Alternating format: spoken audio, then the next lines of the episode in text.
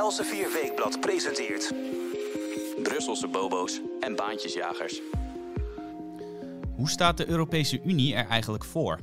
Die vraag moest commissievoorzitter Ursula von der Leyen woensdag 16 september beantwoorden tijdens haar eerste toespraak State of the European Union.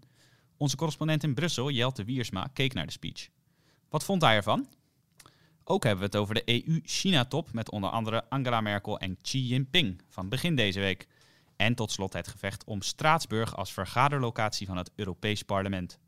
Zorgt corona ervoor dat het reizende circus nu eindelijk eens ten einde komt? Genoeg te bespreken weer in deze nieuwe aflevering van Brusselse Bobo's en Baantjesjagers. Goed dat u weer luistert naar een nieuwe podcast van Els 4 Weekblad.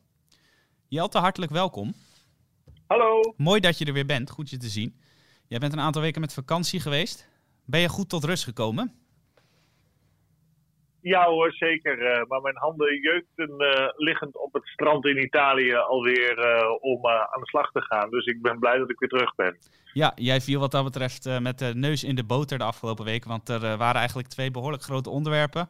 Maandag begon het gelijk met de videotop over de relatie tussen EU en China. Daarover spreken we straks.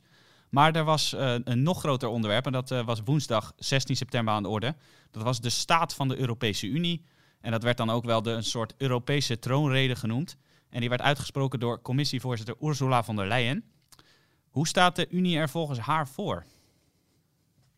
We hebben daarover geen enkel uh, idee. Uh, simpelweg omdat ze het daar niet over heeft gehad.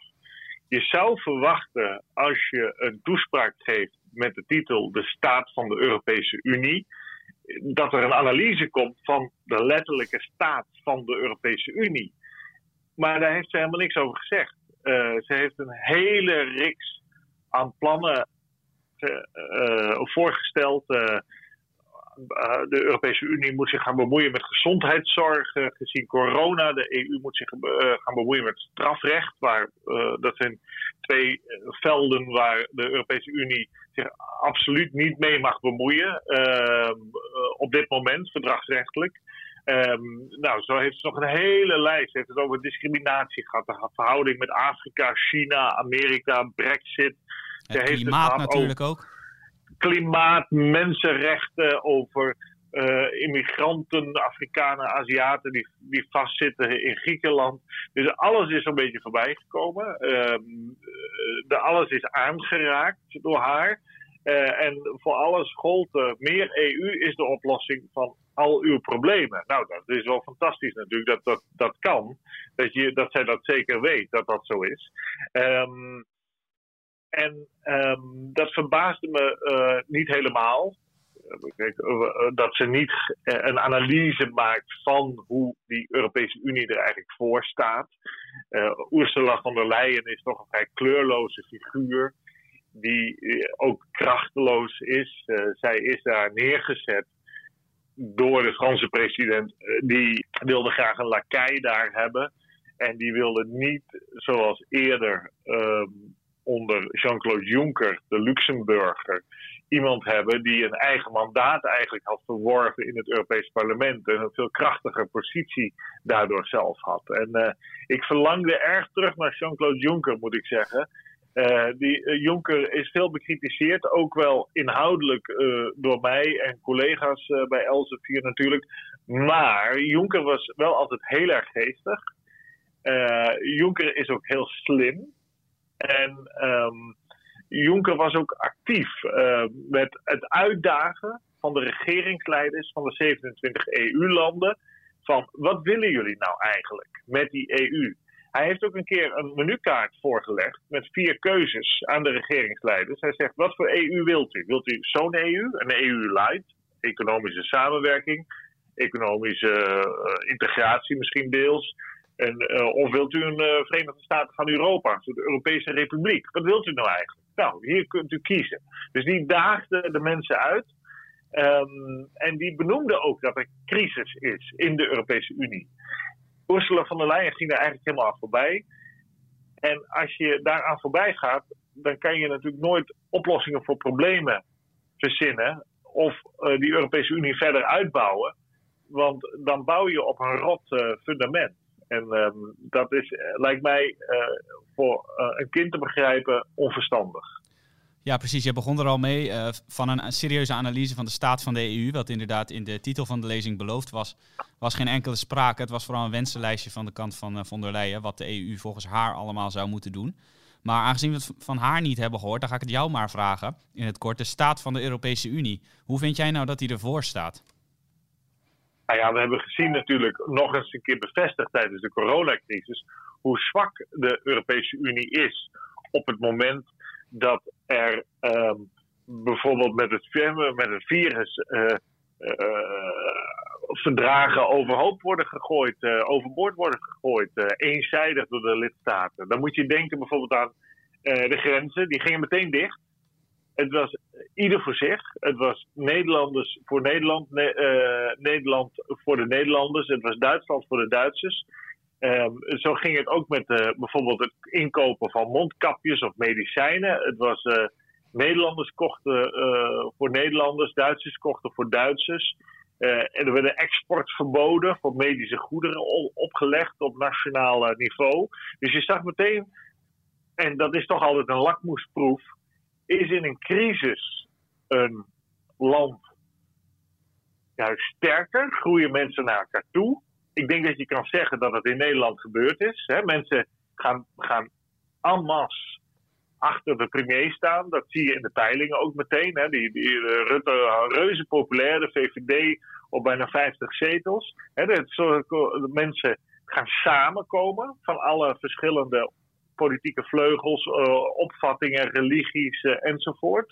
Windstreken ook, van Limburg tot Friesland, van Groningen tot Zeeland en alles daartussen daar uh, was op EU-niveau juist helemaal geen sprake van. Dan zie je de omgekeerde beweging. Je zag uh, dat er niet in de crisis een reactie is: oké, wij zijn allemaal Europeanen, wij moeten dit samen doen. Nee, helemaal niet. Het was juist van: oh, grens dicht en ieder, ieder voor allen, allen voor mijzelf. dat was de houding. heel, heel boeiend, wat mij betreft. Ja, nou is er natuurlijk wel afgelopen zomer een poging gedaan om inderdaad dat uh, ieder voor zich sentiment, wat inderdaad in vrijwel alle landen leefde, om dat te keren door middel van het optuigen van een uh, herstelfonds. Het uh, door jou ook veel bekritiseerde herstelfonds van 750 miljard euro in totaal. Daar spreken we aan het eind van deze aflevering nog even verder over. maar wat gaat er nou, als het aan de Europese Commissie ligt, nog meer gebeuren om die saamhorigheid, die solidariteit, als die er al ooit is geweest, weer terug te brengen? Nou, niet zoveel. Het is, al, het is vooral eindeloos voorstellen. De Europese Unie moet dit gaan doen en dat gaan doen. En dan komt alles goed. Ja, dat is toch echt heel treurig wat mij betreft. Er zijn allerlei problemen in de Europese Unie. Dan hebben we het over de euro. Dat is een Noord-Zuid conflict. Uh, we hebben uh, het over culturele aspecten. Dan hebben we het over Oost-West-Europa. Uh, en dan gaat het over de rechtsstaat, democratie. We kennen natuurlijk wat er gebeurt in uh, uh, Polen en Hongarije, waar daar aan gemorreld wordt op een manier die toch niet toe te juichen is, denk ik, als je uh, wil dat de individuele rechten en vrijheid van meningsuiting zoveel mogelijk beschermd worden. Um, we hebben natuurlijk Brexit. Het Verenigd Koninkrijk, het ene grootste land qua bevolking en economie, stapt eruit. Ja, en daar is ook nog heel, heel wat aan de hand rond die Brexit. Ja, zeker. Het, het, ja, dan komt Van der Leyen met het voorstel... ja, we moeten de Balkanlanden er ook allemaal bij gaan nemen bij de Europese Unie. Dus die uitbreidingen met het oosten vanaf 2004... die tien Europese uh, lidstaten erbij... dat is al nauwelijks verteerd binnen de Europese Unie. En dan ga je nog verder uitbreiden. En dan ga je nog meer verdieping aanbrengen. Dus je wil nog meer op EU-niveau brengen... Terwijl, ja, we weten dat uh, er een heel aantal vragen eens beantwoord zullen moeten worden over de euro, over immigratie en de grenzen, over waar ligt de macht nou en waar moet de macht liggen en waar hoort de macht te liggen. Die uh, op, op natiestaatniveau, op EU-niveau, als de macht op EU-niveau ligt, wie is dan verantwoordelijk? Hoe kan de kiezer, hoe kan de burger daar zijn stem fatsoenlijk over laten eh, eh, doen, doen gaan. Moet er een Europees EU-leger komen? En wat zijn dan de commandostructuren? Wie is dan verantwoordelijk? Enzovoort, enzovoort, enzovoort. Er zijn eindeloos veel initiatieven van haar kant voorstellen. Zonder dat hele fundamentele vragen, rechtsstatelijke vragen, grondwettelijke vragen beantwoord zijn. En dat is uh, eigenlijk al decennia aan de hand in de EU. En omdat die vragen niet beantwoord worden, krijg je de hele tijd crisis. Uh, en worden burgers, uh, ik niet in de laatste plaats, maar velen met mij, die worden sceptisch over die EU. Want die denken, ja, wat is dat toch? Want uh, vreet die nou mijn macht weg? Of is dat nou mijn vriend, die mijn kleine landje op het wereldtoneel krachtiger maakt? En hoe dan en wat dan? Er moet een veel zuiverder en preciezer juridisch grondwettelijk debat over worden gevoerd. En zij hadden natuurlijk de regeringsleiders van de EU-landen moeten zeggen: Kijk, dit is de EU nu. Er zijn allerlei problemen. Het is aan jullie om met antwoorden te komen. Jullie zijn verantwoordelijk, niet ik als commissievoorzitter, want dat zijn eigenlijk een soort hoogste ambtenaren van de Europese Unie, een soort uitvoeringsdienst. En jullie moeten uh, uh, zorgen dat dat schip van die Europese Unie een koers gaat varen die acceptabel is uh, en die helder is van wat de EU wel en niet doet, waar de grenzen van de EU liggen, zowel geografisch als wat de EU vermag. Nou, dat is allemaal niet gebeurd. Dus dat blijft allemaal in nevelen, nevelend gehuld. Dus wij als burgers blijven achter in een wolk van mist. En we hebben geen idee wat uh, uh, hier verder gaat gebeuren met de EU. Um, dat lijkt mij heel slordig in een democratie. In een democratie moet helder worden gemaakt aan de burgers wat aan hen voor ligt.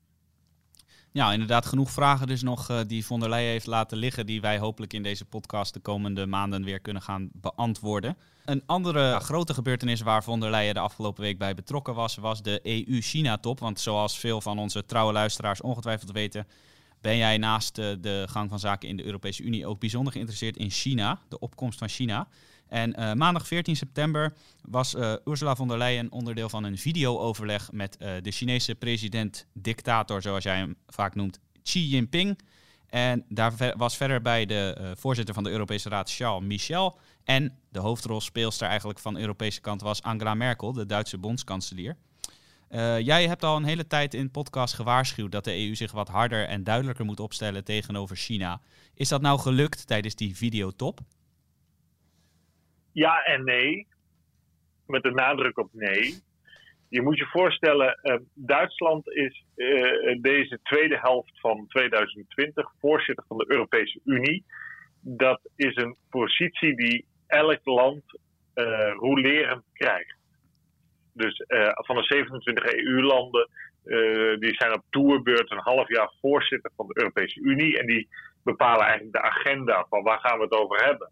Nou, uh, Angela Merkel had als grote doel, de Duitse bondskanselier, om tijdens een top in Leipzig tussen de Europese Unie en uh, China, met Xi Jinping, uh, inderdaad de dictator van de Communistische Partij uit China, als hoofdgast, daar een grote, groot, grote deal te sluiten over wederzijdse investeringen over handelsbetrekkingen, over, over regels uh, voor handel, bescherming van intellectueel eigendom, enzovoort, enzovoort. En Merkel wilde zich daar opwerpen als de Europese leider. Die positie had ze dan ook uh, op dat moment, dat heeft ze, die heeft ze nu eigenlijk. En zij wordt in China ook zeer gerespecteerd, begrijp ik altijd, als de leider van Europa. Als we denken in, uh, in China aan Europa, en dan meer specifiek de Europese Unie, dan denken ze aan Angela Merkel. Uh, en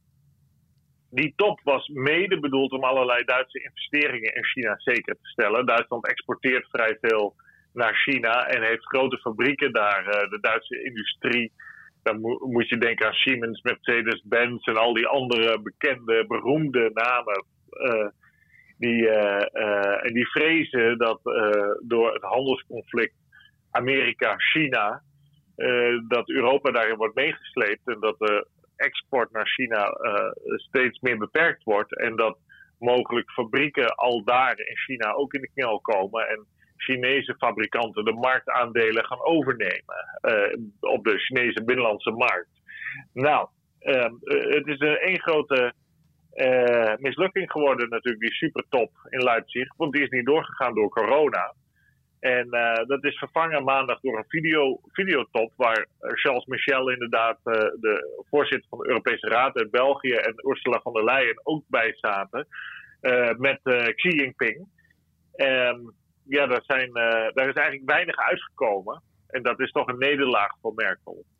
Ja, je had het er al even over dat het uh, voornamelijk zou moeten gaan over handel en investeringen. Nou, daar is uh, ook over gesproken. Begreep ik ook uit jouw stuk dat jij van de week op de website hebt gepubliceerd. Een link daarnaar kunt u vinden in de beschrijving van de podcast. Maar er is natuurlijk ook nog een andere kant van China die niet onbenoemd mag blijven. Wat jij ook al heel vaak hebt benadrukt, namelijk de, de mensenrechten situatie in China, waar natuurlijk wel het nodige aan schort. Heeft Merkel of twee andere Europese collega's van Merkel, hebben die daar ook nog aandacht aan besteed?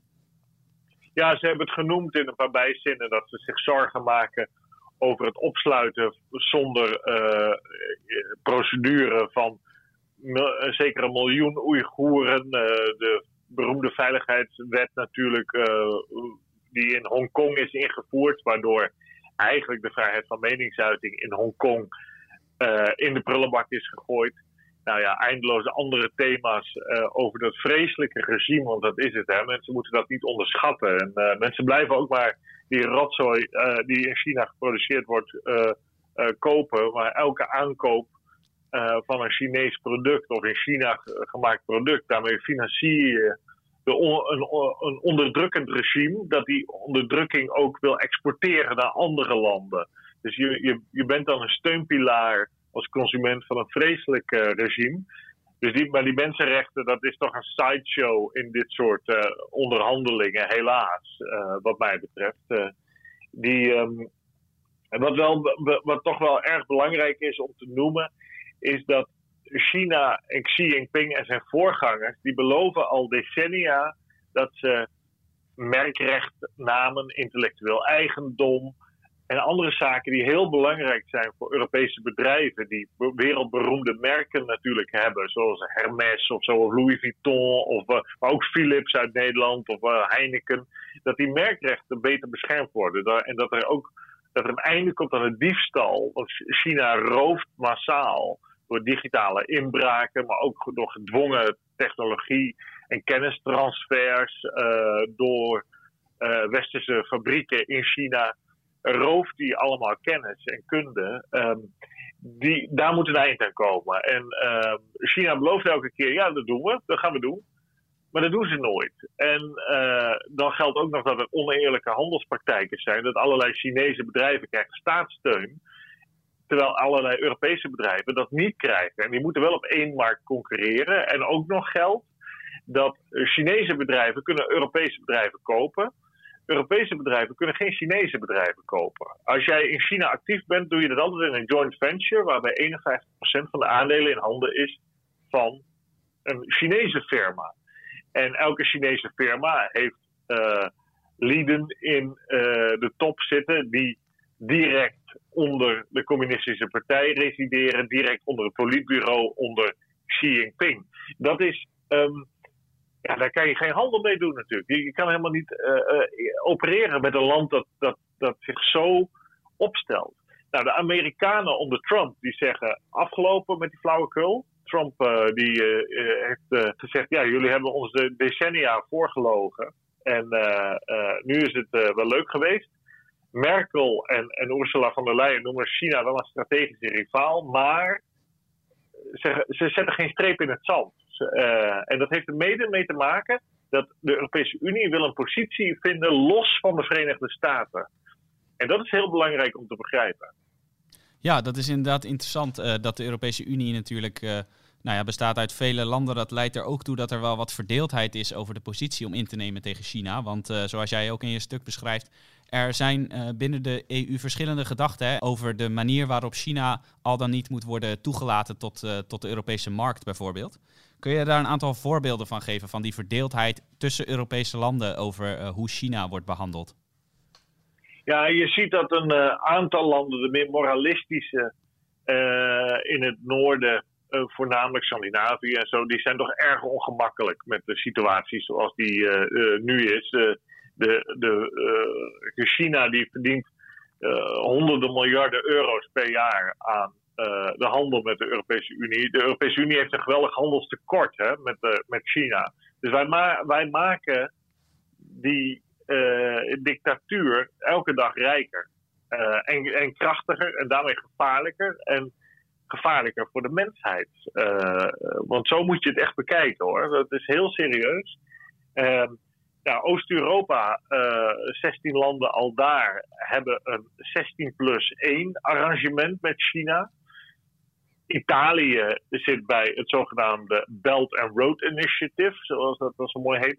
Dat is uh, de nieuwe zijderoute waarmee zie uh, probeert alle handel via Peking te laten lopen.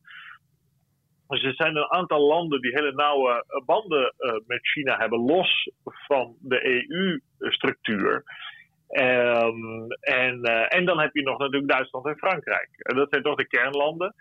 Die willen, en dat is al heel lang zo. Voor Frankrijk is het eigenlijk al 200 jaar zo, sinds Napoleon is verslagen. In de Anglo-Saxische wereld, de Engels sprekende wereld, dominant is. Eerst het Verenigd Koninkrijk en daarna de Verenigde Staten proberen de Fransen op het Europese continent een losstaande entiteit te bouwen van die Anglo-Saxische wereld, die los kan opereren. Eh, de Duitsers hebben die wens toch eigenlijk ook, want die hebben toch ook veel argwaan tegenover de Anglo-Saxische vrijheden. Uh, de Duitsers die houden meer van ordnung en wat minder van vrijheid over het algemeen. En de Fransen en de Engel en Duitsers vinden elkaar daarin uh, dat zij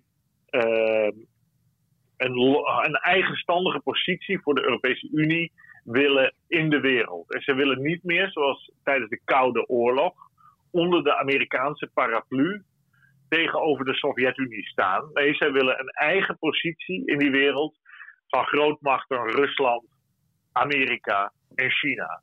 En uh, dat is, vind ik heel raar. Uh, ik, ik snap wel die reflexen vanuit Frankrijk en Duitsland maar uh, de Verenigde Staten steekt uh, elke keer de hand uit. Niet in de laatste plaats Donald Trump. Hè. Donald Trump die wordt altijd gezien als iemand die helemaal niet van de internationale samenwerking is. Trump steekt de hele tijd zijn hand uit en zegt: Europese landen, Europese Unielanden, kom samen, zijn wij onverslaanbaar en, en uh, kunnen wij de vrijheid in ere houden in de wereld, beschermen, laten overleven. Zo fundamenteel is deze strijd. En Trump krijgt elke keer een, uh, een cold shoulder, zoals ze dat zeggen. Een, een koude schouder uh, van de EU-landen, die toch elke keer, uh, en dat bleek ook weer bij de top maandag, erg blijven flirten met China en met Xi. En een soort apart arrangement met Xi willen hebben, los van de Verenigde Staten.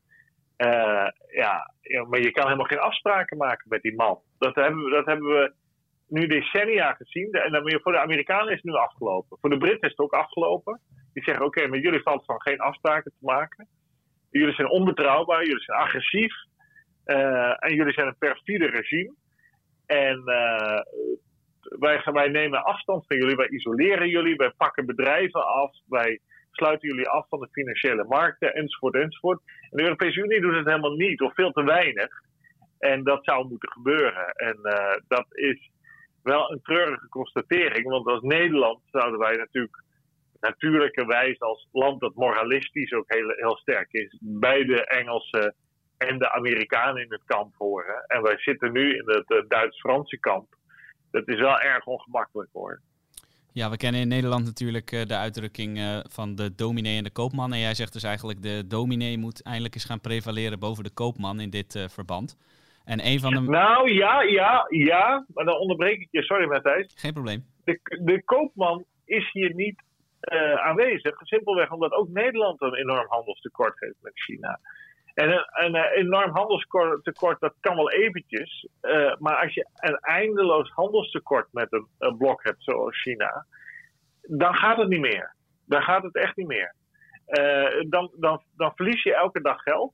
En dan worden zij heel rijk en wij uh, raken uiteindelijk onze poen kwijt. Je ziet het in de, in de Europese Unie en de eurozone. Hè? Het handelsoverschot wat Nederland heeft met andere EU-landen is sinds de introductie van de euro zo hoog, 10%. Uh, eh, dat is waanzinnig. Dat valt niet vol te houden. Dat betekent dat de Italianen, die een handelstekort, of, of, of Fransen vooral, die een handelstekort hebben, dat die, dat die moeten lenen om onze spullen te kopen. En op een gegeven moment is die schuld zo groot, ja, dan ploft de boel. Dus dat is, dat is geen duurzaam arrangement uh, uh, voor uh, een land als Nederland. En uiteindelijk de Amerikaanse markt, als we naar Koopman kijken, is de grootste, belangrijkste nog altijd ter wereld. En de Amerikanen en de Europese Unie onderhandelen al heel lang, het ligt elke keer weer stil, over een vrijhandelsakkoord. En dat is voor Nederland veel belangrijker. Als er vrijhandel met de Verenigde Staten zou ontstaan, uh, dan valt er veel meer geld te verdienen voor Nederlandse firma's, die een goede reputatie hebben in de Verenigde Staten. Dus um, de, de koopman en de dominee zijn niet twee verschillende personen in dit geval. Dat, dat, dat is de, een van de grote uitvindingen van de renaissance en uiteindelijk het protestantisme. Dat de, uh, uh, uh, het christelijk schuldbesef en leven in, nederigheid verbonden is kunnen worden met economisch succes en, en levensgenieten. Dat is een hele bekende uitvinding uit de eerste renaissance in Noord-Italië. En uiteindelijk heeft het protestantisme dat vervolmaakt. En, en nee, nee. En de Amerikanen hebben dat natuurlijk tot sublimatie weten te brengen. Hè? Ja. God and money, dat, is, dat gaat prima samen. Zo is het nou. Duidelijk dus, Nederland moet zich dus voegen in de strijd tegen China bij de Verenigde Staten. dat roep jij al langer. En we gaan zien of de EU inderdaad tot dat inzicht komt. Of dat het toch inderdaad in die ongemakkelijke tussenpositie blijft verkeren. We gaan het allemaal zien de komende tijd. Het is een kwestie die ongetwijfeld nog vaak aan de orde zal komen in deze podcast. Dan gaan we het nu eventjes hebben over een kwestie die volgers van de Europese Unie waarschijnlijk al langer verbaast. Mij in elk geval wel. Dat is de verhuizing van het Europees Parlement naar Br van Brussel naar Straatsburg. En nou ja, velen spreken geregeld met ergernis over het reizende circus van België naar Frankrijk. Want ja, dat kost natuurlijk wel wat geld. En ik vraag mij af, en jij kan die vraag ongetwijfeld beantwoorden, waarom is dat nou toch nodig dat het Europees Parlement niet alleen in Brussel, maar ook in Straatsburg vergadert? Nou, dat is zo uh, overeengekomen in een van de verdragen al uh, eh, 60 jaar geleden. Uh, de, het Europees Parlement was eerst een Europese assemblee. En dat waren afgevaardigden van de nationale parlementen dus nationale parlementsleden die kwamen dan samen in die assemblee. En die zat eerst, als ik het wel heb, in Luxemburg. Maar Luxemburg is al erg bedeeld met EU-instituties. Uh, het Europees Hof van Justitie natuurlijk. En ook het secretariaat van het Europees Parlement zit daar. De vertaaldienst. Uh, want allemaal papier moet ook vertaald worden. Van de Europese Unie zit ook in Luxemburg. Dat weten veel mensen niet. Maar de, de Luxemburg is een kabouterlandje natuurlijk. Maar het staat vol met EU-instituties. Er is geen land dat meer geprofiteerd heeft van de EU dan, uh, dan Luxemburg. En ze zijn daar al niet arm, hè? Helemaal niet, uh, want ze hebben ook nog uh, alle banken daar zitten, waar ze veel geld mee verdienen. en ze hebben, en de, Europese Raad, dan hebben we het over de Europese regeringsleiders en de ministers van de EU-landen, die vergaderen ook verdragsrechtelijk een aantal keren per jaar in Luxemburg. Dus die vergaderen niet alleen in Brussel, dat was wel het plan, maar die vergaderen ook nog steeds in Luxemburg. Dus uh, uh, er zijn regelmatig uh, bijvoorbeeld euro-bijeenkomsten van de ministers van Financiën. Die zijn in Luxemburg en niet in Brussel. nou, er is eindeloos over gesoebat tussen de landen van wie krijgt wat. Nederland is er heel bekaaid overigens elke keer afgekomen. Nederland wilde heel graag de Europese Centrale Bank in Amsterdam hebben, maar dat is mislukt. Uh, Nederland heeft eigenlijk heel weinig. Uh, uh, maar Luxemburg heeft veel. Eh, en Frankrijk wilde met het ruim bedeelde Luxemburg en het ruim bedeelde Brussel um, graag ook iets hebben. En die vond Straatsburg de perfecte symbolische stad om het Europees Parlement te huisvesten. En daar zit het nu sinds er directe verkiezingen zijn en daarvoor al in 1979 zit het Europees Parlement daar. Maar het Europees Parlement heeft geleidelijk, hebben ze, dat hebben ze zelf uh, uh, gedaan, want die hebben wel enige vrijheid, steeds meer in uh, Brussel zich gepositioneerd. Want die willen eigenlijk doen alsof zij het Europees Parlement zijn, echt een, een soort van de, het parlement van de Europese staat zijn, zeg maar. En dat de Europese Commissie de Europese regering is. En de Commissie die zit in Brussel. Dus het parlement wil graag bij die Commissie zitten. En vandaar dat Brussel eigenlijk tegen de verdragsregels in steeds groter is gegroeid. Um, dat is wel uiteindelijk een, een, nevenzitplaats geworden. Maar je hebt nu de curieuze situatie dat eigenlijk had het parlement volledig in Brussel moeten zitten en de commissie volledig in. Uh, of het parlement volledig in Straatsburg en de commissie volledig in Brussel. Dat was eigenlijk de, de, wat, de, wat de bedoeling was. Maar ja, dan heb je alles helemaal uit elkaar liggen. En je weet hoe het met macht gaat. Macht heeft de neiging om te centraliseren. En dat is uh, met Brussel ook aan de hand dat zuigt eigenlijk van nature dat allemaal op. En, uh, ja, ik onderbreek je even. Die, die centralisering van macht in Brussel, dat, uh, dat heeft onder meer toegeleid. Ik heb me er even in verdiept voor deze podcast. Dat in Straatsburg de, de gebouwen van het Europees Parlement al daar maar liefst 89 à 90 procent van de tijd leeg staan. En nou ja, dat werkt natuurlijk ergernis, zeker in tijden dat dat veel burgers uh, flink de broekriem aan moeten trekken, dat 90%, uh, van de tijd gebouwen leeg staan. En nou is er een discussie ook ontstaan in Brussel, hè, of dat nou niet anders kan. Ja, maar het is niet helemaal waar, want die gebouwen in Brussel of in Straatsburg, die worden ook gebruikt door uh, de Raad van Europa. En die zit daar, is daar permanent gevestigd. En uh, dus die zalen zijn niet altijd uh, leeg hoor. Uh, maar ja, het is, het is waar. Je, je hebt als je naar Straatsburg gaat, een fantastische stad overigens, zeer aan te raden. Op de grens van de Duitse en de, en de Franse cultuur heb je een, een soort ruimtevaartschip. Zo ziet dat gebouw eruit. Dat ehm, naast een bierbrouwerij en een, en een, kantoor van Adidas is neergezet. Ehm, en ja, het is een soort spookhol de helft van de tijd. Dat is, dat is zeker waar. Um, wat nu gebeurt is dat het Europees Parlement neemt de mogelijkheid van corona om niet meer naar Straatsburg te gaan. En dat mag eigenlijk helemaal niet. Dat mag volgens het verdrag niet. Um, de Fransen zijn echt woest daarover. Ook Luxemburg overigens uh, is erg onzeker. Uh, die vinden dat ook niet zo fijn, want die willen ook hun uh, instituties daar houden en niet alles naar Brussel laten weglekken. Um, maar vooralsnog slaagt het Europees Parlement erin dat in een grote meerderheid wil Straatsburg wil opheffen. slaagt erin om niet meer naar Straatsburg te gaan. En de grote aanvoerder in deze is Klaus Welle. Dat is de Duitse secretaris-generaal van het Europees Parlement. Dat is hij al meer dan tien jaar, sinds 2008. Een CDU-veteraan is dat. Een man die al heel lang een hele belangrijke rol speelt in het Europees Parlement. En vooral in de conservatieve Europese Volkspartij, de pro-integratiepartij, uh, die al uh, meer dan twintig jaar de grootste is in het Europees Parlement.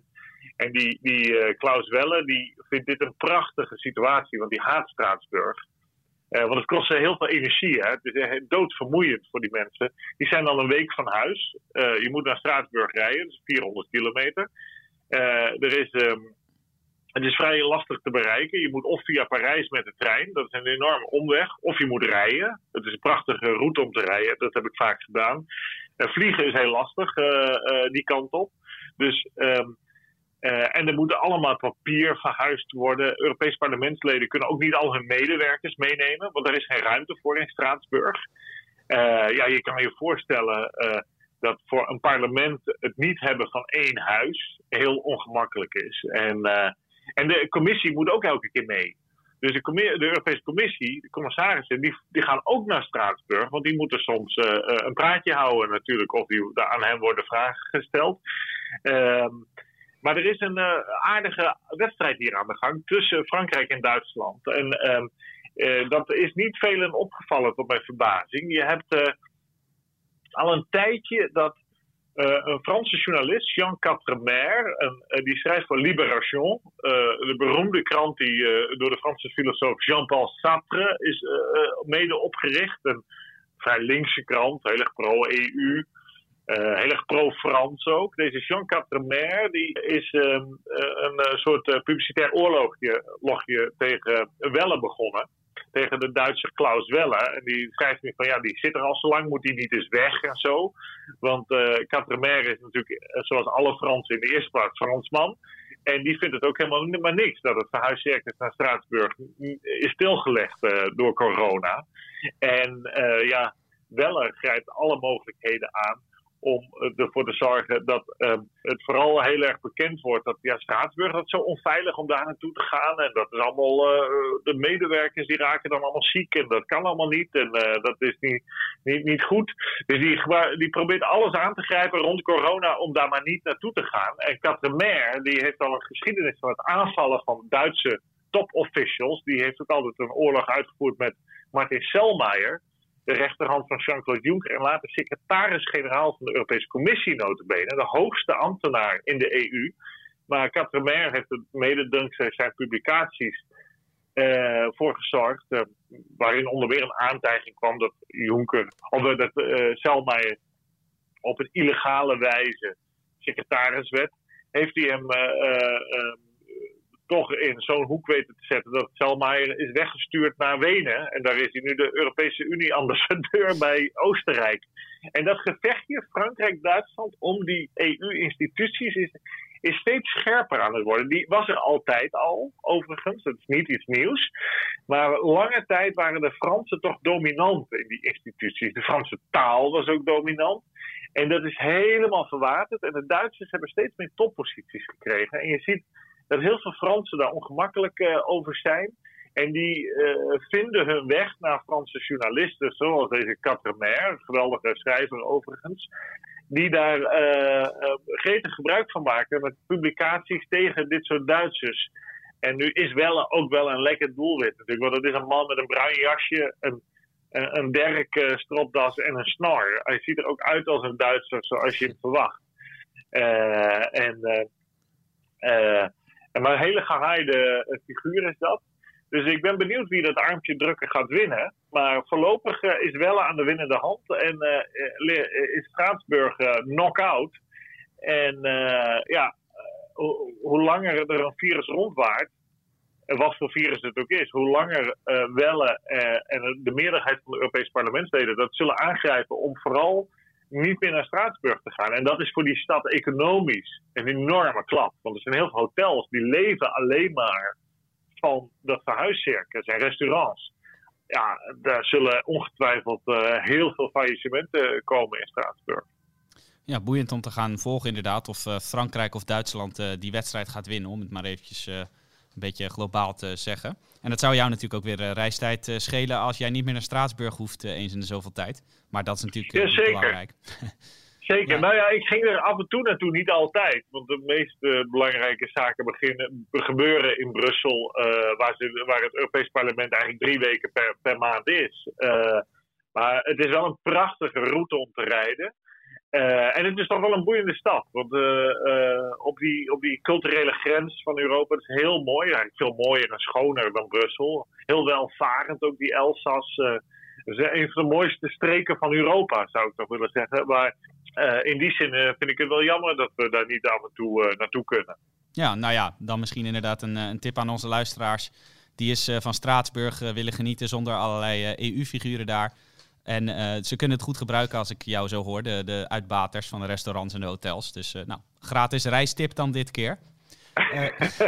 ja. jij, we, hadden het net al eventjes tot slot over het corona-herstelfonds. Waar jij natuurlijk een zeer spraakmakend omslagverhaal over hebt geschreven. Dat echt over de grens is besproken. En ook begin deze maand, op dinsdag 2 september, kwam het weer aan de orde. Want zoals onze luisteraars wellicht weten, organiseert Elsevier Weekblad elk jaar de HJ Schoollezing. Genoemd naar onze voormalige hoofdredacteur Hendrik Jan Schoo.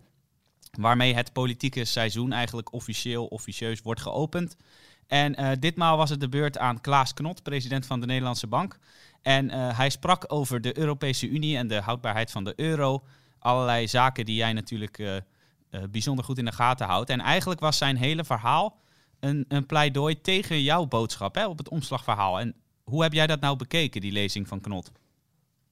Ja, dat is heel boeiend wat Knot heeft gezegd. Ehm, hij zegt van uh, wij gaan uh, zien dat Noord-Europa, de sterke economieën, steeds sterker worden binnen de eurozone.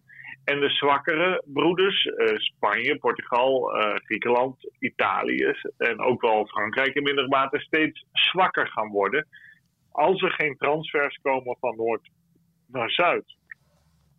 Ik denk dat dat waar is. Ehm, ik zie eerlijk gezegd niet zozeer, en dat ziet Knot wel, waarom dat een probleem zou zijn. Het is gewoon een straf voor slecht beleid. Ja, als die landen geen uh, beter economisch beleid willen voeren, en dat gaat niet zozeer om uh, heftige belastingverlagingen of zo, maar het gaat vooral om liberalisering van hun economieën, waar allerlei beperkingen bestaan om, om uh, een, een, business op te zetten. Uh, en veel te veel bureaucratie is rond belastingen, rond, rond vergunningen enzovoort. Ja, dan moeten zij dat toch ook zelf weten. En als zo'n land dan failliet gaat, ja, jammer dan. Dan gaat het maar failliet. Dus ik zie niet per se dat dat dan het einde betekent van zo'n land in de euro.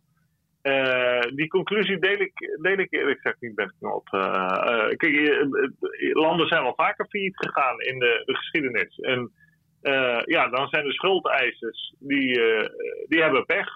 En tot die schuldeisers behoort ook Nederland.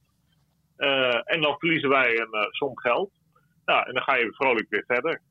Maar het is volstrekt gebruikelijk in de, in de, geschiedenis dat landen failliet gaan, dat een deel van hun schuld wordt kwijtgescholden en dan ga je weer vrolijk verder. Dat hoeft niet per se een probleem te zijn.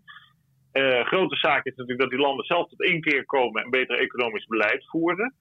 Maar dat zal niet gebeuren, denk ik, gezien de politieke verhoudingen, de culturen in die landen ook. En uh, ja, dan heeft Knot wel gelijk als je, als je daarvan uitgaat inderdaad dat dat niet gaat gebeuren. En als je geen faillissementen wil, zoals uh, de meeste landen in Noord-Europa eigenlijk niet willen. Die willen niet dat de Zuid-Europese landen failliet gaan of dat er schuldsaneringen komen. Dan heb je inderdaad of een Verenigde Staten van Europa nodig, waarbij hier in Nederland belastinggeld wordt geheven en dat aan Italië wordt gegeven om de mensen ja, gewoon geld te geven om te consumeren. Uh, of de boel zal inderdaad uit elkaar vallen. Dat zijn dan de twee smaken. Uh, nou ja, we weten allemaal dat de euro een gedrocht is.